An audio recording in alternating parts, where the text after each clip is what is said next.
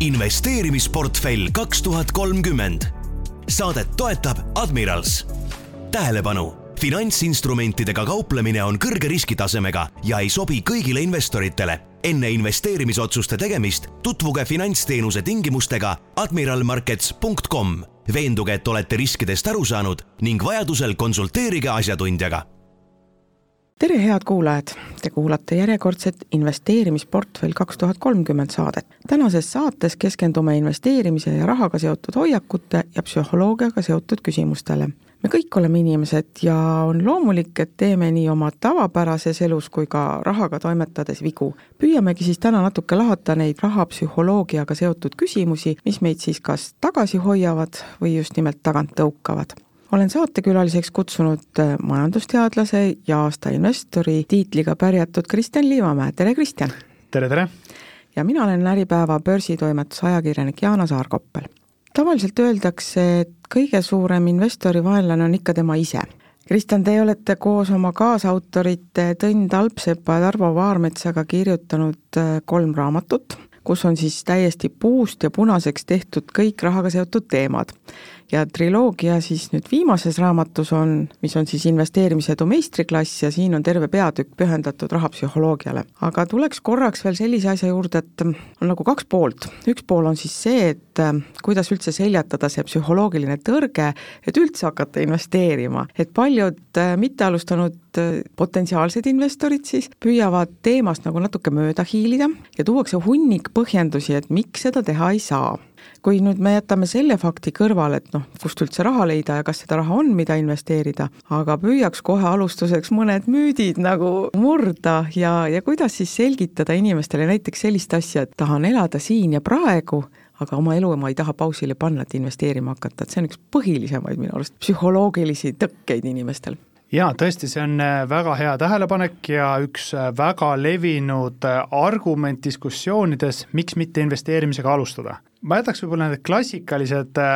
mõttekäigud sellele küsimusele kõrvale ja läheneks sellele just nimelt investeerimise psühholoogia poole pealt. nimelt inimloomus, tulenevalt meie aju ülesehitusest,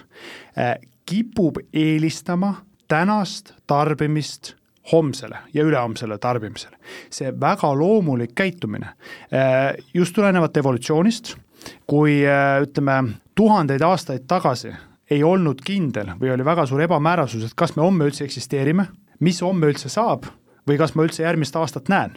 siis selline käitumine, et tarbida nüüd, täna ja praegu ja mitte mõelda tuleviku peale, oli evolutsiooniliselt väga ütleme, vajalik või oluline. Äh, jama on lihtsalt see, et äh, tänases ühiskonnas ja tänases keskkonnas meil ei ole enam neid probleeme, äh, meil on äh, meditsiin väga palju arenenud, äh, meil on, meil on ka tegelikult niisugune stabiilsus ja määramatus oluliselt väiksem kui siis. aga meie aju ülesehitus ei ole kohandunud selle uue olukorraga. seega selline vastus intuitiivselt on väga loogiline noh, nüüd küsimus, et kuidas siis sellest üle olla, ma ütleks, tavaliselt igasugused psühholoogilised tegurid, tavaliselt parim lahendus on see, et aktsepteerida seda tunnet,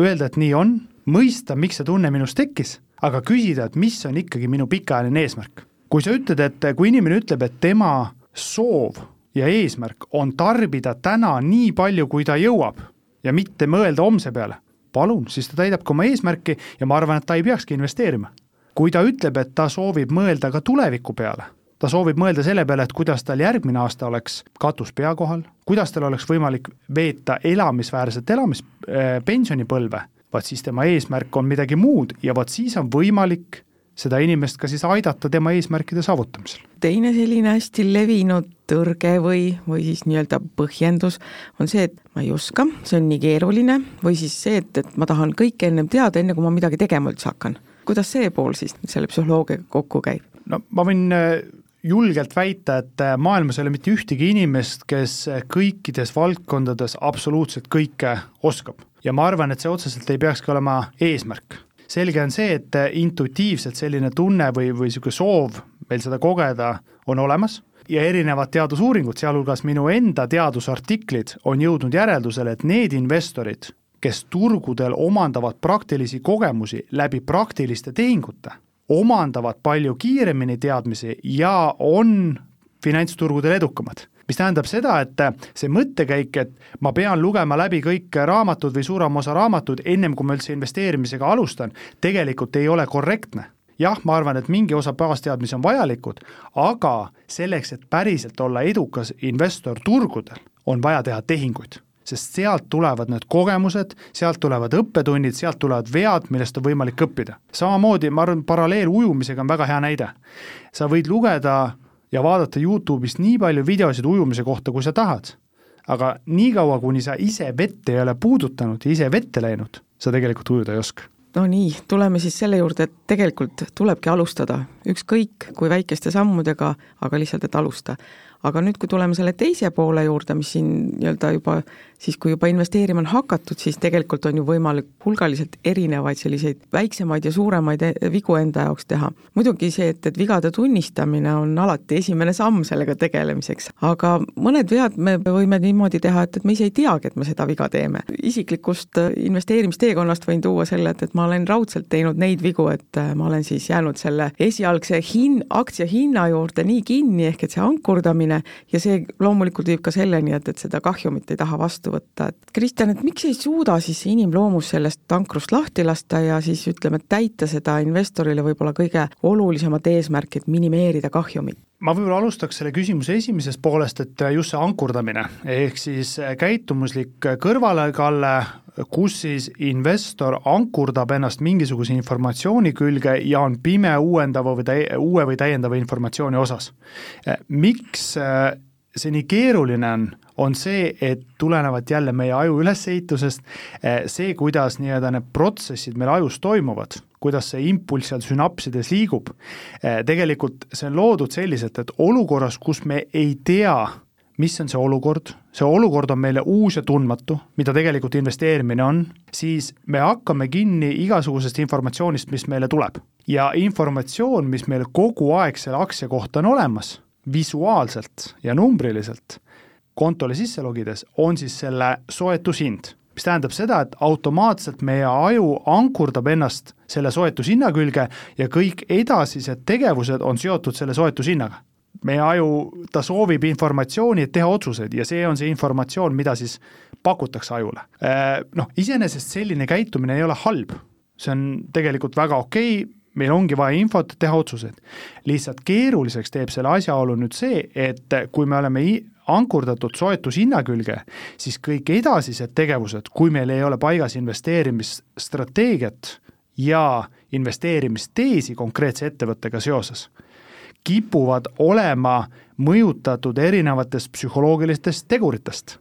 hirmust ja ahnusest. ja nüüd, kui see positsioon, ütleme, hakkame, hakkab langema siis, ehk ta langeb alla soetushinda, siis tuleb kohe emotsioon, seepärast et meil puudub investeerimistees. ja, ja emotsioon äh, seal võib ka olla väga erinevaid emotsioone, aga üks aspekt siis, mille sa esile tõid, on siis nii-öelda selle kaotuse vastumeelsus see on üks enamlevinud vigu, mida investorid finantsturgudel teevad ja see on üks kallimaid vigu erinevate empiiriliste uuringute põhjal siis seda nimetatakse finantsmaailmas ka nii-öelda dispositsiooni efektiks äh,, väga lihtsustatult öeldes tähendab see seda, et investorid ei soovi või on vastumeelsed oma kaotuste realiseerimisele ja teise poole pealt müüvad ja realiseerivad väga kiiresti positsioonid, mis on tõusnud miks see nii on? Äh, põhjus peitub selles, äh, noh, nüüd me läheme võib-olla natukene detailsemalt sinna psühholoogia valdkonda, aga põhjus peitub selles, et see ajuimpulss, mis tekib meil sünapsis, samaväärse kaotuse ja samaväärse võidu puhul on erinev. ja on siis leitud, et see ajuimpulss on kaks ja pool korda tugevam kaotuse valu puhul miks see nii on, no põhjus on väga lihtne, see on jälle evolutsioonist tulenev. see põhjus on see, et kui me saame haiget ja meil on valus, meile peab see valu jääma meelde, et me õpiks. kui meil ei ole valus, siis me ei õpiks ja me sureks ära. Eh, mis tähendab nüüd seda, et finantsturgudel omakorda kahjuks selline nüanss mängib meile väga valusalt kätte, nimelt nüüd, kui positsioon on miinuses, võrreldes soetushinnaga, siis investor on vastumeelne seda kaotust endale realiseerima sellepärast et siis on tema ju see, kes tekitas endale valu. ja meil siin õla peal istub see väike teine mina, kes ütleb, ära tee endale haiget. Ja see on noh, igaüks nimetab seda nii, kuidas ta tahab, olgu see kas kõhutunne, intuitsioon või midagi muud, reaalsuses lihtsalt meie aju on programmeeritud selliselt, et me seda kaotust ei realiseeriks. mis tähendab seda, et me hoiame seda kaotavat positsiooni edasi lootuses, et äkki hakkab see positsioon tõusma. aga lootusel ja finantsturgudel omavahelist seost ei ole. mis tähendab seda, et kui see positsioon on miinuses ja ettevõttel on tõesti kehvad finantstulemused, see on ka põhjus, miks ta seal miinuses on. kui need kehvad finantstulemused jätkuvad, siis see miinus aina süveneb, süveneb ja süveneb. aga investor ei realiseeri seda kahjumit sellepärast, et tal on vastumeelsus seda realiseerida. kas see viga kehtib ka sellisel puhul, et noh, osad investorid siis ütlevad endale, nii, ma olen nüüd pikaajaline investor, üldse ei vaata oma pangakontot, las see olla miinuses, las ta olla seal, see mu õpiraha ja kõik muu selline, kas see on ka siis viga või? võib-olla ta ongi pikaajaline investor ja võib-olla tahabki seda pikalt hoida seal, mis sest, et on miinuses noh, tavaliselt kipub, on niisugune hea ütlus, et et äh, lühiajalisest kauplemisstrateegiast äh, saab äh, miinuse puhul siis pikaajaline investeering, et mina muidugi viisakalt kohe küsiks vastu, et mis oli sinu algne investeerimistees? kui sinu alge investeerimistees oli, et ma soovin hoida pikaajaliselt Apple'i aktsiat, sest ma arvan, et selle ettevõtte müügitulud kasvavad, selle rahavoog on positiivne, ettevõte teenib mulle puhas kasumit, maksab välja seda dividendidena ja ma soovin olla seal aktsionär ja kui siis on see positsioon miinuses, muidugi, kui investeerimistees kehtib, muidugi hoia seda pikaajaliselt. see on, ma arvan, väga mõistlik ja õige mõte, siis pole üldse mõtet seda positsiooni seal vaadata. aga kui sa ostsid selle aktsia, noh, ma ei tea, toome lihtsalt suvalise näite, et siin nii-öelda aastal kaks tuhat kakskümmend üks, kui turg oli kuum ja hipodroomil täie hooga ralli käis, et kui sa läksid ikkagi nii-öelda spekuleerima ja osa saama sellest turu nii-öelda positiivsest sentimendist ja ostsid seal IPO-l, ma ei tea, näiteks äh, Elmo või, äh, või, või, või muid äh, aktsiaid ja nüüd vaatad, et sul positsioon on miinuses ja ütled, okei okay,, nüüd ma pikaajaliselt seda hoian, siis ilma investeerimisteesita tegelikult see kaotus pigem kipub süvenema. okei okay,, ma loodan, et äh, me kõik oleme siis nüüd tugevad ja, ja vaatame, vaatame oma teesidele otsa ja, ja neid vigu ei tee. aga üks äh, suur, suur viga jälle, mis, mis käib igatpidi kaasas, on kõik see karjaefekt ja, ja ütleme, kurude kummardamine, et et samamoodi jälle siin börsitoimetuses olles äh, töökogemus on mulle näidanud seda, et tegelikult mis oli alguses minu jaoks väga ehmatav, on see, et kui tugevalt tegelikult investorite käitumist mõjutab äh, see, mida näiteks räägitakse investor Toomase tunnis. kuidas teie olete nüüd enda jaoks selle lahendanud, sest kuna teie olete ka täpselt see inimene, kelle sõnu võetakse sada protsenti puhta kullana, isegi mis sest, et te räägite kõrvale, et igaüks peab oma otsused ise tegema ja oma võimalustest lähtuvad oma teesid ja kõik, kogu see mantra,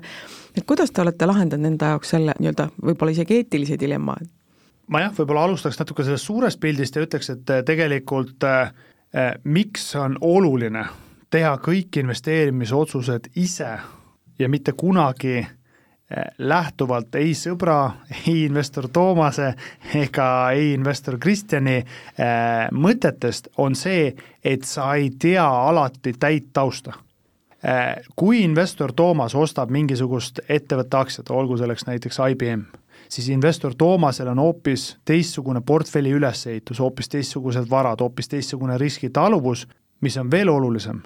investor Toomasel, kui ta sellest positsioonist väljub, siis noh, okei okay,, investor Toomase puhul võib-olla läbi ajakirjanduse siis saab ka teada, millal investor Toomas sealt väljus, aga näiteks investor Kristjani või, või selle sõbra puhul sa ei tea kunagi, millal ta sellest positsioonist väljub, mis tähendab seda, et sa ei ole, sa tegelikult selles investeeringus oled sees teadmatuses, sa võtsid selle positsiooni sellepärast, et keegi selle kohta midagi positiivset ütles, aga sa ei tea, millal tema müüb. ja, ja kui sa seda ei tea, ja kui teine osapool seda ka ei jaga, siis noh, tegelikult äh, sa oled nagu täiesti pimedas, istud selle investeeringuga, sest sul endal puudub igasugune arusaam, miks või kuidas sellel ettevõttel võiks siis äh, minna. et ma arvan, et see on see väga suur ja oluline põhjus, miks äh, mitte kunagi ei tohiks kellegi teise järgi investeeringuid teha aga ma tooks siia nüüd äh, selle, selle nüansi kõrvale, et äh, võib-olla karjainstinkti väljenduseks võib äh, näiteks pidada ka tänavusel investeerimisfestivalil hästi palju räägitud mõtet võtta aega investeerimise kõrvalt ka elada, eks ju, enda jaoks, et kas siin ei pruugi olla näiteks nüüd alustavale investorile hoopis nii-öelda karuteene, et noh, ta ei pruugi oma eesmärgini jõuda ja noh, ütleb, et ikkagi näed, targemad rääkisid ja nemad on selle kõik läbi elanud ja nemad teavad seda, et kuidas sellega on? Äh, ma arvan, et see on äh, suurepärane näide karjakäitumisest. Äh, miks karjakäitumine on inimestele loomuomane, on see, et me oleme tegelikult, kus öeldakse, inimene on sotsiaalne loom, ta tahab kuuluda mõnda gruppi, ta tahab olla aktsepteeritud, ta tahab ennast teostada. seega karjakäitumine iseenesest ei ole mitte midagi halba, see on jälle üks osa evolutsioonist, mis aitab meil inimkonnana ellu jääda see kõik on väga okei okay.. jama lihtsalt see, et finantsotsustes see karjakäitumine meile noh, võib väga valusalt kätte maksta rahas mõõdetuna tulles nüüd tagasi selle küsimuse juurde, siis äh, ma arvan, et see on suurepärane näide sellest, äh, kuidas äh, tõlgendada ühte informatsiooni vales kontekstis võib jõuda väga valede tulemusteni ja teha endale tohutu karuteene. kui alustav investor või investor, kelle investeerimisportfell on seal kuni kümme tuhat eurot, kuuleb laval, kuidas Katri Teller räägib, et nüüd on aeg hakata elama ja nautima, siis kontekst on ju väga erinev. Katri Teller on teinud mitukümmend aastat tööd, ehitanud üles endale investeerimisportfelli, mis on mitu miljonit ja tema võibki nendest tuludest elada ja nautida. aga eh, kui nüüd nii-öelda see alustava investori eesmärk on elada ja nautida, noh, palun mingu võtku see kümme tuhat, löögu laiaks ja elagu nautigu. aga kui ta juba on sinna investeerimisfestivali tulnud eesmärgiga, et ta soovib ikkagi pikaajalist investeerida ja ehitada üles enda jõukust, siis äh, paratamatult vähemalt investeerimis nii-öelda niisuguses elutsükli algusfaasis on vaja teha valikuid, mis tähendab seda, et sa loobud tänasest tarbimisest või hüvest selleks, et sul tulevikus oleks rohkem vara või kapitali ma saan väga hästi aru, äh, miks sellest Katri või teised räägivad, nemad ongi jõudnud sellesse elutsükli etappi. Nemad on seda senti saaginud juba kõvasti, nemad on selle valu ja teekonna läbi käinud. aga alustav investor või investor, kes on oma elutsüklis teises etapis, tema peaks lähtuma enda soovidest ja vajadustest ja enda eesmärkidest. ma arvan, et see on väga äge lugu, mida kuulata, aga see tuleb panna ikkagi enda konteksti üks selline põnev äh, võib-olla nüanss on ka ju veel see, et mida on tihti kõrvalt näha, et öeldakse, et aktsiad on jube keeruline, et sinna ma ei taha üldse investeerida, aga no vot krüpto, noh, see on ju nii lihtne, sups sisse, sups välja, eks ju, et, et see on ka ju tegelikult karjainstinkt ju. No jah, ma ütleks, et seal on veel, veel rohkem neid nii-öelda psühholoogilisi tegureid, mis siis kõik, kõik seda otsust mõjutavad, aktsiate puhul ma olen täitsa nõus, et kui, kui minna väga detailselt aktsiate analüüsimise juurde, erinevad äh, diskonteeritud rahavoogude meetodid, need ongi väga keerulised, need ongi väga rasked ja, ja võib-olla sellega ei peakski kõik investorid tegelema ka sellele lahendus, kuidas siis seda asja teha lihtsalt äh, ja, ja võib-olla siis mitte nii palju aega kulutamata. noh, äh, krüptovarade puhul äh, ma ütleks, et äh, no te, üldteada on see, et, et teie nagu neid varadeks üldse ei peagi, nii et, et, no see jätame selle nüansi hetkel kõrvale jah, kuigi noh, ma ütlen, see, see, kuidas sa kirjeldasid seda, et nii-öelda sups sisse, sups -hmm. välja, et ma ütleks, et see ei ole enam investeerimine, see on kauplemine. kauplemine äh, eesmärgiga teenida tulu äh, noh, ütleme siis krüptovarade hinnatõusu pealt, mille puhul siis tees baseerub sellele, et leidub keegi,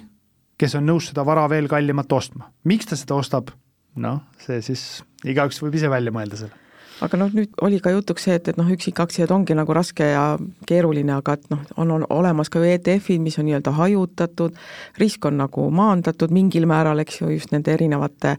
üksikaktsiate vahel ja, ja saad turu keskmist tootlust, et kas seal ka kuidagi see psühholoogia üldse määrab või, või seal võib siis nagu tuimalt indeksisse raha, raha panna? Eks need äh, psühholoogilised tegurid ikka äh, mängivad rolli, aga ma võib-olla julgustuseks äh, ikkagi kogu aeg kordan üle, kordan ka tudengitele üle, et kui sa investeerid laiapõhjalistesse indeksfondidesse, mis on hajutatud erinevate ettevõtete vahel, näiteks globaalselt, kus on tuhandeid erinevaid ettevõtteid, siis tegelikult rahas mõõdetuna, riskiga korrigeeritud, sinu tulemus või tootlus on parem kui kaheksakümnel protsendil investoritest, sealhulgas professionaalsetel varahalduritel. mis tähendab seda, et see on, ta on, kuidas nüüd öelda, ajakulu mõttes väga optimaalne lahendus. teenustasude mõttes väga odav lahendus ja tulemuslikkuse mõttes no ma ütleks niimoodi, et väga hea tulemus. ja minu hinnangul see on üks, üks parimaid või optimaalsemaid lahendusi, mida siis äh, investor äh, võiks teha miks seda on jõle keeruline teha, on siis see, et noh, eriti eestlastele, eestlased, kes on harjunud tegema tööd, eestlased, kes on harjunud kannatama. Vaata, kui sa nüüd öeldad, et ütled eestlasele, et sa saad raha selle eest, et sa ei tee mitte midagi, see tundub nii loomuvastane. Mis mõttes? Ma, kui ma panen, kui ma tahan kartulit, siis ma panen kartuli maha ja pean hullult seda hooldama ja vaatama ja siis eh, kiruma ilma ja siis lõpuks saan kartulit. Aga investeerimises see protsess on hoopis teistmoodi, mida vähem sa tõmbled ja mida vähem sa teed, seda tulemuslikum kipub see protsess olema. ja kogu selle protsessi vältel, eriti eestlastel, need emotsioonid ja tunded on, sellepärast et see ei ole meile loomuomane mitte midagi teha ja saada selle eest tasu. väga keeruline see psühholoogia, tahaks nagu ju kohe ratsa rikkaks saada, aga näed, mingisugused nüansid hakkavad segama. aga kui siin rääkida nüüd äh, psühholoogiast, siis hästi palju on viimasel ajal kuulda sellist sõna nagu manifesteerimine. hästi populaarne, see on ju samamoodi tegelikult psühholoogia, aga samas kas siin ei pruugi sellist asja tekkida, et noh, inimene paneb küll portsu soove kirja, noh, nii-öelda kohe, kohe miljonäriks ja ma ei tea, punane Ferrari ja Gucci käekotid või, või midagi veel hullemat, et äh, räägitakse küll seda end, iseendale, aga midagi ei tehta ja siis tuleb selline pettumus ja arusaam, et see ei toimi üldse minu jaoks, et äh, mis siin siis nüüd valesti läks? inimene soovis, äh, rääkis, mõtles, mis valesti on? ma arvan, et see olukord, mis sa kirjeldasid, on suhteliselt tüüpiline ja, ja iseenesest täiesti loomuomane inimestele, et, et kes ei tahaks siis nii-öelda paremat ja äh, jõukamat äh, elu. Äh, võib-olla üks märksõna, mis sellest valemist või võrrandist puudu on, ütleks ma siis, on tegutsemine ja, ja mis ma ise olen kõrvalt näinud ja ise ka tegelikult kogenud enda teekonnal, siis ma ütleks, et alustades on kõige keerulisem see, et noh, kui sa näedki kedagi rääkimas, ta ütleb, et tal on investeerimisportfell miljon, noh siis sa näedki seda nagu hetke või momenti ankurdad ennast selle miljoni külge, täpselt, ja sina tahad ka, sest tema ju seda tegi. aga sa ei näe ja ei koge seda, mida tema koges siis, kui ta alustas. noh, mina alustasin samamoodi investeerimisega selliselt, et ma panin kõrvale igakuiselt palga äh, siis umbes viiskümmend või seitsekümmend eurot ja noh, sa võid neid numbreid seal Excelis äh, läbi lasta nii, nagu sa tahad, aga sa saad aru, et tegelikult sellises tempos sa sinna miljonini ei jõua noh, omaette küsimus muidugi on, et kas miljon peaks olema eesmärk, äh, noh, võib-olla ei peaks, äh, aga mis ähm, minu puhul nagu paremini toimis, ongi see, et ma ei pannud endale kuidas öelda siis, utoopilisi saavutamatuid eesmärke, vaid ma panin endale eesmärgid, mis on reaalselt mõõdetavad, mis on saavutatavad ja mille osas ma saan siis nii-öelda seda progressi regulaarselt jälgida tuletame meelde SMART eesmärkide püstitamist, jah? täpselt, täpselt, et ma arvan, et see, see on tegelikult see, mis ka psühholoogiliselt aitab neid äh, eesmärke päriselt ellu viia ja, ja kasutades seda nii-öelda SMART kontseptsiooni on võimalik päriselt lõpuks jõuda ka sinna, mis iganes eesmärgid need on, on see Gucci kott, Ferrari või, või, või, või, või midagi muud, eks ju. üks selline põnev problemaatika tegelikult äh, rahaga seonduvalt ja psühholoogiaga seonduvalt on ju lapsed, raha ja psühholoogia. et äh, kui me vaatame näiteks ühe pere lapsi, ma arvan, et teil on täpselt samamoodi, mitu last, nad kõik on erinevad. no isegi, kui neile näiteks mingit kommi anda, siis üks sööb kohe ära, teine võib-olla hoiab või ma ei tea, jagab kellegiga või, või käitub hoopis teistmoodi, et et samamoodi ju tegelikult on ju taskurahadega, eks ju, et, et Teil on päris palju kogemusi ja te olete ka neid jaganud, eks ju, et, et kuidas sellise erisusega siis nüüd hakkama saada, juba siis nii-öelda maast madalast neid õigeid emotsioone õpetada lastele? noh, olukorras, kus äh, tegelikult äh, meil äh, on kaks väikest last, ehk siis poeg on seitsmeaastane ja tütar kolmeaastane, siis ma ütleks, et see teekond on alles poole peal ja, ja meil veel minna on päris pikalt, aga mis ma olen tähele pannud isana, on see, et lapsed, eriti just noorena, väga palju matkivad või jälgivad, kuidas siis vanemad ees käituvad ja üritavad neid samu käitumusviise siis ise üle võtta. ehk siis ülioluline on vanemate käitumine ees ja seda mitte ainult rahaga seonduvat, vaid, vaid tegelikult äh, ka muu suhtlus, muud hoiakud. ja noh, kui me nüüd lähme sinna rahatarkuse juurde, siis äh, see, mis kodust kaasa tuleb, määrabki väga palju ära selle, et kuidas nad siis tulevikus hakkavad käituma või kuidas nad suhtuvad rahasse. ja noh, võib-olla väga lihtsad mõtted, aga kui vanemad omavahel räägivad rahast avatult ja ausalt, ilma niisuguse äh, negatiivse emotsioonita, ilma kedagi süüdistamata, kasutades seda, rääkides sellest samamoodi nagu hamba, hammaste pesemisest või tatra keetmisest, siis tegelikult ka, ka laste hoiakud raha suhtes ei ole negatiivsed. Nende jaoks on see võib-olla tööriist, mis aitab neil nende eesmärke saavutada ja, ja see nüüd, et kuidas igaüks sellesse, selle rahaga nii-öelda ma ütleks mikrotasemel ümber käib, et kes, kes tarbib seda rohkem, kes säästab rohkem, noh, see ongi väga personaalne ja ma arvan, et see ei ole see koht, kus nüüd näpuga vibutada öelda lapsele, sa pead käituma nii, nagu mina käituksin. Ma arvan, et iga inimene, iga laps on unikaalne, tuleks aktsepteerida tema erisusi ja leida võib-olla siis temale kõige soodsam keskkond, kuidas tema saab oma tugevusi arendada ma, mulle tegelikult väga meeldib see mõte just isana, et eh, kui lapsed noh, ütleme siis niimoodi välja, et nad käituvad nii, nagu me lapsevanemana ei sooviks, et nad käituksid, siis ma ei peaks mitte otsa vaatama lapsele, vaid ma peaksin vaatama peeglisse ja küsima, mida tegin mina valesti, et laps õppis sellise käitumise ära noh, see on ju küll kõige keerulisem teema, et iseendale enda viga, vigasid tunnistada. siin on üldse nagu pere ja kõik see peremudel ja eeskujud äh, nagu ja ütleme, kaaslasega sellest rahast rääkimine, tegelikult see ei ole väga tavaline, et, et peredes räägitakse ja, ja olen jälle samamoodi tihti, tihti põrkanud ka selliste mõtete vastu, et et üks nii-öelda Mm, suhtepool või, või perepool soovib nagu üldse rahaga tegeleda ja, ja nii-öelda investeerida, teine pool mitte ja siis nii-öelda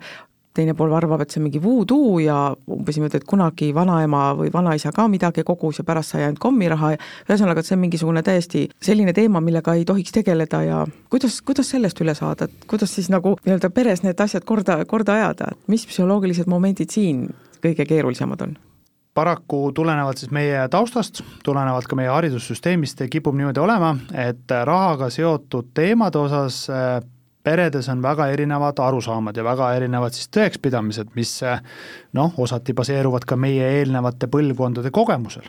mis eh, mina olen tähele pannud või, või mis mulle nii-öelda siis sümpatiseerib, see mõte ongi siis see, et äh, astuda sammu võrra tagasi, et mi-, mitte minna sinna mustrisse, et näed, et mu vanaemal või vanaisal oli selline halb kogemus või mu ema-isa kunagi rahast ei rääkinud, siis mina pean samamoodi käituma, ma ütleks, ma astuks sammu võrra tagasi ja küsiks, et kui tegemist on ühise leibkonnaga või perekonnaga, siis mis on meie eesmärgid? mida, mida, mida meie soovime elus teha?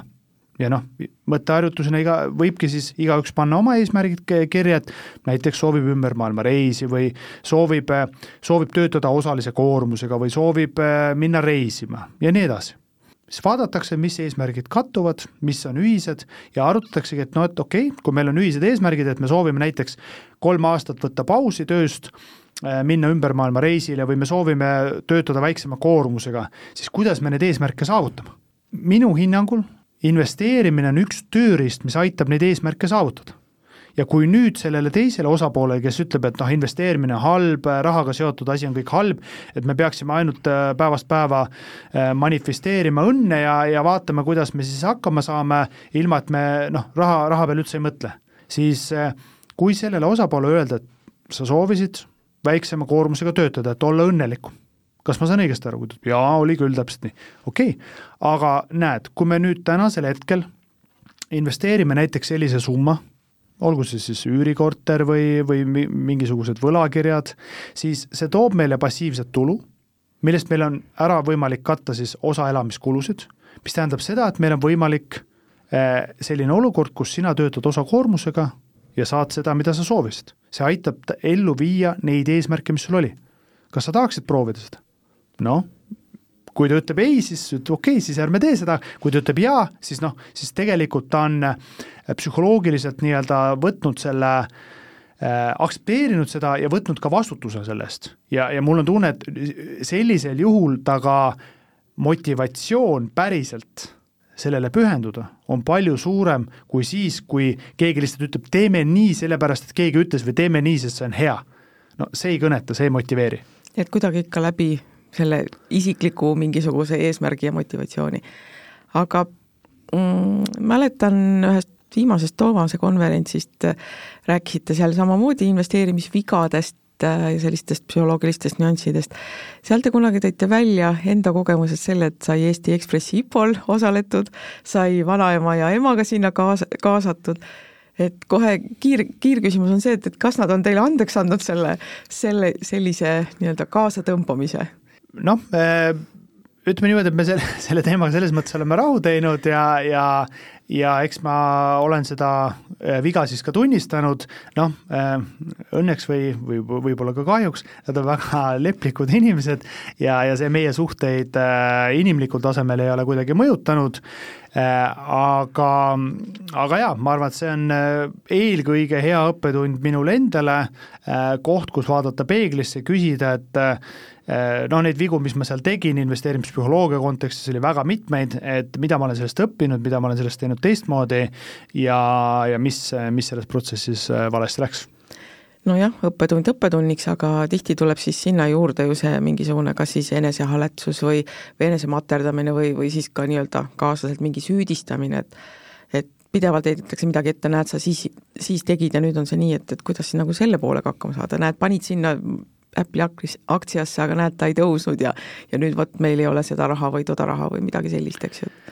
noh, ma arvan, parim ja kõige tõhusam viis sellise olukorra toimetulemiseks on see, et mitte üldse investeerimisalast nõu kellelegi jagada eh, või kedagi kaasata, öeldagi, et noh, kõige lihtsam on tegelikult see, et igaüks teeb oma investeerimisotsused ise, eh, mina olen pannud sinna, aga ma tean, et see on minu vastutus, ma tean, miks ma sinna panin, aga eh,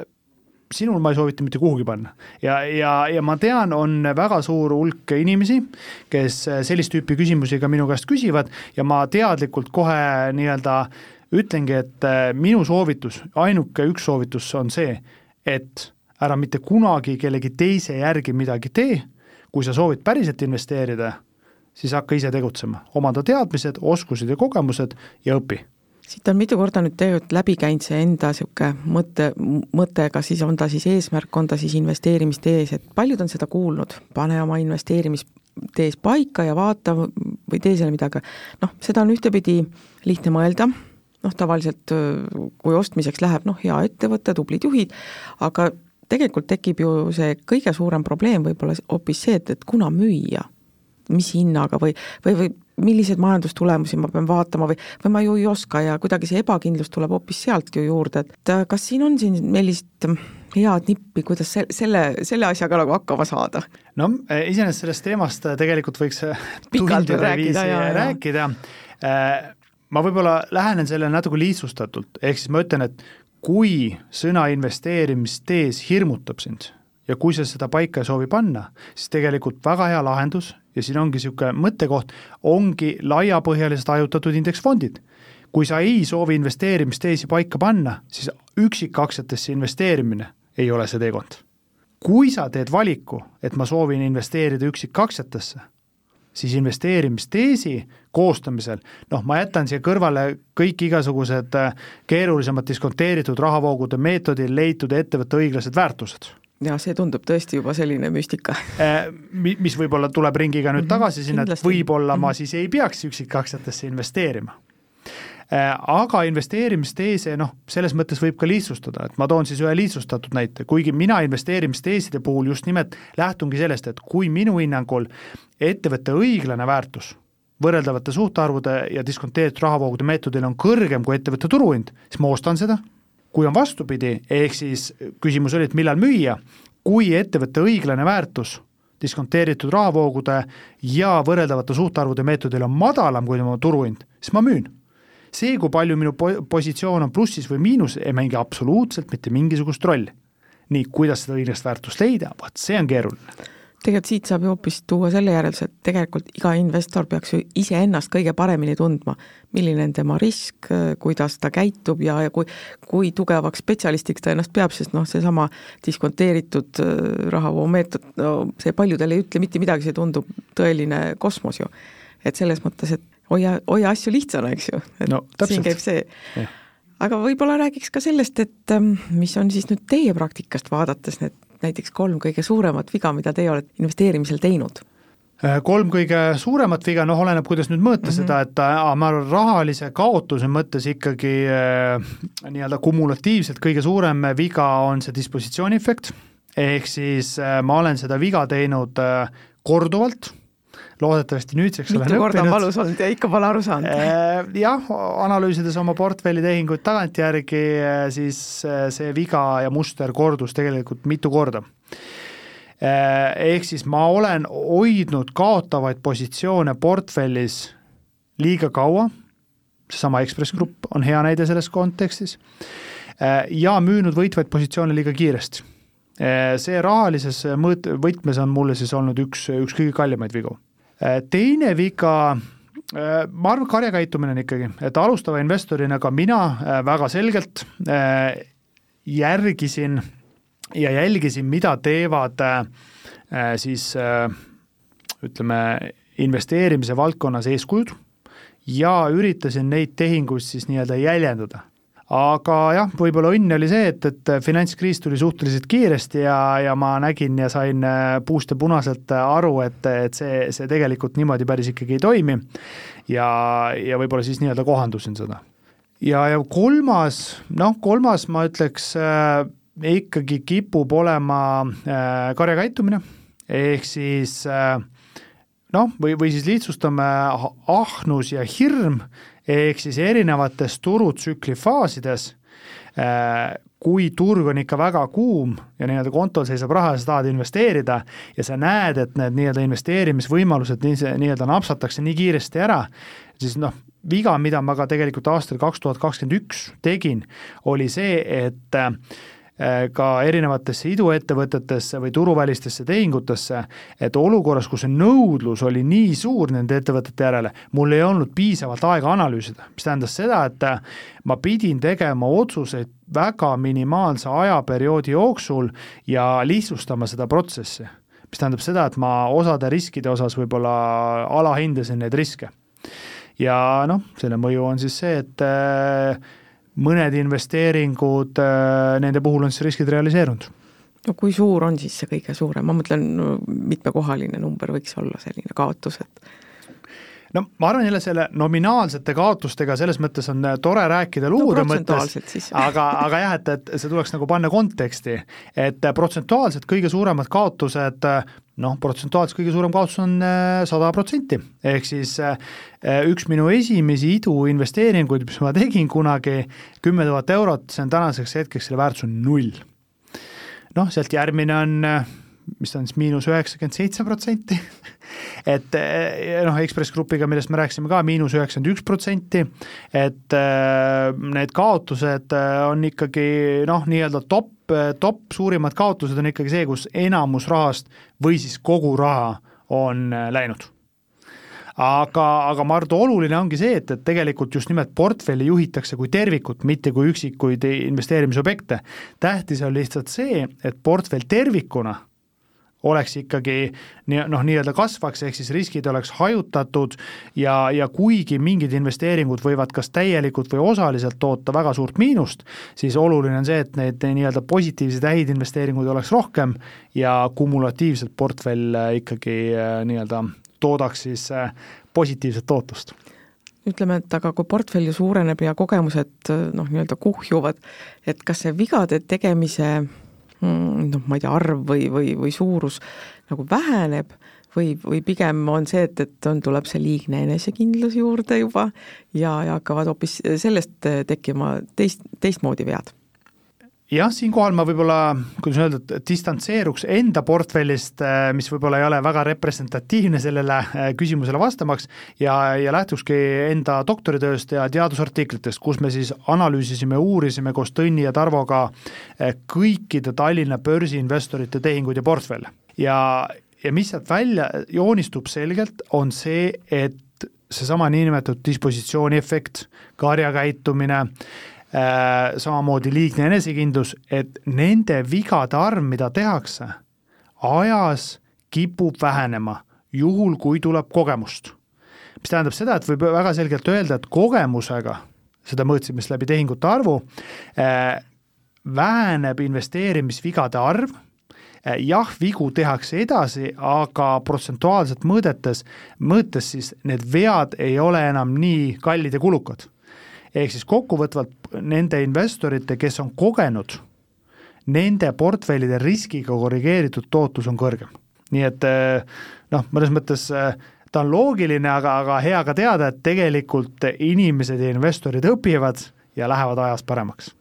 Te olete tihti oma loengutest tudengitele ja ütleme kõikidele, kelle, kellega te ikkagi nagu sellistest, sellistest teemadest räägite, olete seda mündimängu teinud. ütleme, kas siin võiks kuidagi olla mingi seos selle summa suurusega, kuidas seda mängitakse, sest münt on ju jube lihtne, üks, ühe eurone, noh, mis see siis ära ei ole. et kui palju tegelikult läheks see summa suuremaks noh, siis hakkab ju nii-öelda otsaesine higistama ja, ja tekib selline võib-olla kasiinosõltlase käitumine ja ja hakkab sealt nagu hoopis teine problemaatika, et võib-olla küsiks siis äh, hoopis niipidi, et kas investeerimisest võib ka nii-öelda sõltuvusse jääda ja sellist nii-öelda halba sõltuvusse? ma arvan, et see on võimalik, ma arvan, et see on võimalik ja, ja kui ma mõtlen ka nüüd enda teekonnale tagasi, siis äh, ma arvan, et on olnud eluperioode, kus äh, ma võib-olla selle Exceli äh, kulude-tulude jälgimisega ja selle ajakuluga, mis läks nende nii-öelda noh, ütleme siis kümnete eurode jälgimisse, mõõtmisesse, analüüsimisse, järelduste tegemisse, eh, kulus ebamõistlikult ja ebaproportsionaalselt palju aega. Noh, ma ütleks, et sellel siis negatiivne efekt oli see, et selle asemel ma oleks saanud ju tegelikult teha teisi toredaid tegevusi, olla sõpradega koos või oma kaaslasega koos ja ma olen seda ka kõrvalt näinud paljude teiste alustavate investorite puhul, kus minnakse selle suure õhina või tuhinaga või entusiasmiga, keeratakse nii-öelda vint üle. ja, ja võib-olla siis ka selles kontekstis, et hakatakse neid kulusid ekstreemselt säästma, äh, kokku tõmbama ja seeläbi noh, ma nüüd ei saa öelda, et jäetakse elu elamata, sest ma ei tea, mis on tegelikult nende päris äh, sügav sisemine soov, aga mul on tunne, et jäetakse ikkagi valikud tegemata, mis neile pakuksid rõõmu ja õnne ja just sellepärast, et noh, nii-öelda ollakse üle keeratud vint siis selle investeerimisega või, või noh, et, et ma saaks jälle rohkem säästa, et saaks jälle iga kuu nüüd kakskümmend eurot rohkem investeerida. et noh, tegelikult kuskilt jookseb see piir, kus see on juba ebaproportsionaalselt, ebamõistlikult äh, üle võlli keeratud et ikka tuleme selle juurde, et ära karda suuri kulusid, vaid väikseid tulusid, jah? täpselt. Te olete ka soovitanud äh, seda, et, et noh, sellised emotsioonide ja, ja vigadena nagu, et, et sellest õppimisest või õppimiseks tuleks need kirja panna. noh, kui okei okay,, inimene võtab siis nüüd selle paberi ja pliiatsi, hakkab kirja panema, aga samas tegelikult on ju ka see hästi inimloomusele omane või omane, et ega ei julgeta iseendalegi tegelikult neid vigu tunnistada ja noh, ka kuidagi, eriti kui veel paberi peale kirja panna, siis kiputakse neid asju ilustama ja võib-olla natuke tõde väänama, sellepärast et noh, paberi peal ta paistab ju teistmoodi välja, kui ta siin peas on, eks ju, peas on, las ta olla siin. sellest ju pole kasu, et kuidas, kuidas sellest nagu üle saada või, või, või on siin hoopis selline edasilükkamine või laiskus või, või, või sellised asjad tulevad juurde hoopis? antud juhul ma siis äh, soovitaksin äh, kirja pannagi nii-öelda kahes erinevas äh, äh, kuidas nüüd öelda siis, kahes erinevas struktuuris või kontekstis mm -hmm. need äh, mõtted ja tunded. ehk siis äh, kui päriselt siiras soov on õppida ja saada paremaks, siis ma arvan, et väga oluline ongi ausalt just panna kirja need selle hetke tunded ja emotsioonid. Äh, mis võib-olla, mida mina soovitaks, mis mina ise olen teinud, mis toimib nagu paremini, ongi siis see, et ma ei hakkagi sinna kirjutama pikka kirjandit küll aga ma panen siis kirja selle hetke, kui ma hakkan mingit tehingut tegema või, või mingisugune, must tekib mingi tunne, siis ma panengi kirja, esimene punkt on, mis tunded mul on. ja võib-olla märksõnad, tunne, ärevus, teadmatus, hirm, aga võib-olla ka eufooria. Panen lihtsalt märksõnad, ma ei, ma ei, ma ei anna nendele hinnangut, kas need on head või halvad, ma, igasugune tunne on hea ja ma panengi selle tunde sinna kirja. ja nüüd see teine plokk on siis see, et mida ma tegin või jätsin tegemata, ka see on väga oluline. ehk siis, kui ma teengi mingi tehingu, ma istun kiiresti arvuti taha, sest ma näiteks lugesin kuskilt sotsiaalmeediast, et investor Toomas ostis äh, IBM-i aktsiaid, äh, mul tekib, äh, mul tekib niisugune ärevustunne, ma tunnen, et ma peaks ka ostma, ärevus. mul tuleb natuke eufooria, no nüüd ma ostan mul on ka natukene niisugune kiirustades tunne, sest ma tegelikult, ma tunnen, et ma pean lapsele lasteaeda järgi minema, ma pean selle kiiresti ära tegema. Äh, mul on ka natukene hirm, sest ma ei ole jõudnud ise sinna äh, ettevõttesse sisse vaadata. ma panen need neli tunnet kirja. nii, ja tulemus, mis ma tegin, ostsin näiteks kümme IBM-i aktsiat, sellist väärtus nii, kõik, ma jätan sinna, ma jään, ma rohkem mitte, ma ei hakka mitte midagi analüüsima, see ongi nüüd kõik, see ongi tehing nii, samamoodi müükidega ja samamoodi kõikide tehingutega ja nüüd sellel hetkel, kui mul, kuidas öelda, ma olen rahulikult äh, emotsioonivabalt, mul ongi see aeg, et nüüd analüüsida ja mõtestada oma tehinguid lahti, siis ma vaatangi tagantjärgi nendele otsa, võib-olla aastataguseid tehinguid. ja vot siis vaatangi läbi teise nurga, mis emotsioonid mul oli, mis käitumine mul oli ja mis on nüüd siis see tagajärg. ja vot nüüd ma saan hakata mõnes mõttes andma hinnanguid sellele et äh, sellel hetkel, kui seda tehingut teed, ma, ma arvan, hinnanguteks, äh, no me ei ole adekvaatsed andma hinnanguid neile. no nii, aeg on meil tõesti väga, väga kiirelt läinud, et ähm, noh, nii palju, kui ma siit nüüd välja suutsin ja ki kiiresti noppida mingisuguseid mõtteid, siis äh, võiks tänasest kaasa võtta see, et, et tuleb emotsioonid kõrvale jätta, kui investeerimiseks läheb, tuleks jälgida konkreetseid numbreid ja, ja võib-olla iseennast ja oma strateegiat tunda ja et on hästi okei okay tunnetada ka nii-öelda oma emotsioone, et, et mis siis tekib. ja siis, et, et noh, vigadest tuleks õppida, et, et siis saab nagu kiiremini edasi liikuda. ma ise võib-olla lõpetuseks ütlekski nii palju, et kõik investorid, kõik inimesed on unikaalsed ja siin ei ole ühtset õiget lahendust, et tee nii, siis saad seda või tee nii, siis läheb niimoodi. et ma arvan, et väga oluline ongi aktsepteerida seda, et me ei võrdleks ennast kellegi teisega või me ei paneks ennast kastidesse, me aktsepteerime seda, kes me oleme, me aktsepteerime neid emotsioone, mis meil tekivad, aga selleks, et meie ise paremaks investoriks saaksime, siis ongi vaja olla aus enda vastu, panna need asjad ka kirja ja ausalt siis vaadata, miks ma midagi tegin, mis tunded mul tekkisid ja mida mul on nendest tehingutest õppida suur tänu, Kristjan, need olid väga head mõtted siia saate lõppu. ja tänases investeerimisportfell kahe tuhande kolmekümnes saates rääkisimegi siis investeerimisest ja, ja rahaga seotud emotsioonidest ja ja need psühholoogilised aspektid, mis sinna juurde siis kuuluvad. ja nendel teemadel arutles majandusteadlane ja aastainvestor Kristjan Liivamägi, saadet juhtis Äripäeva börsitoimetuse ajakirjanik Jaana Saarkoppel ning kuulajatele teadmiseks, et saade on salvestatud viieteistkümnendal augustil ja kuulmiseni siis jälle kuu aja pärast. suured tänud! investeerimisportfell kaks tuhat kolmkümmend. Saadet toetab Admirals. tähelepanu, finantsinstrumentidega kauplemine on kõrge riskitasemega ja ei sobi kõigile investoritele. enne investeerimisotsuste tegemist tutvuge finantsteenuse tingimustega admiralmarkets.com. veenduge, et olete riskidest aru saanud ning vajadusel konsulteerige asjatundjaga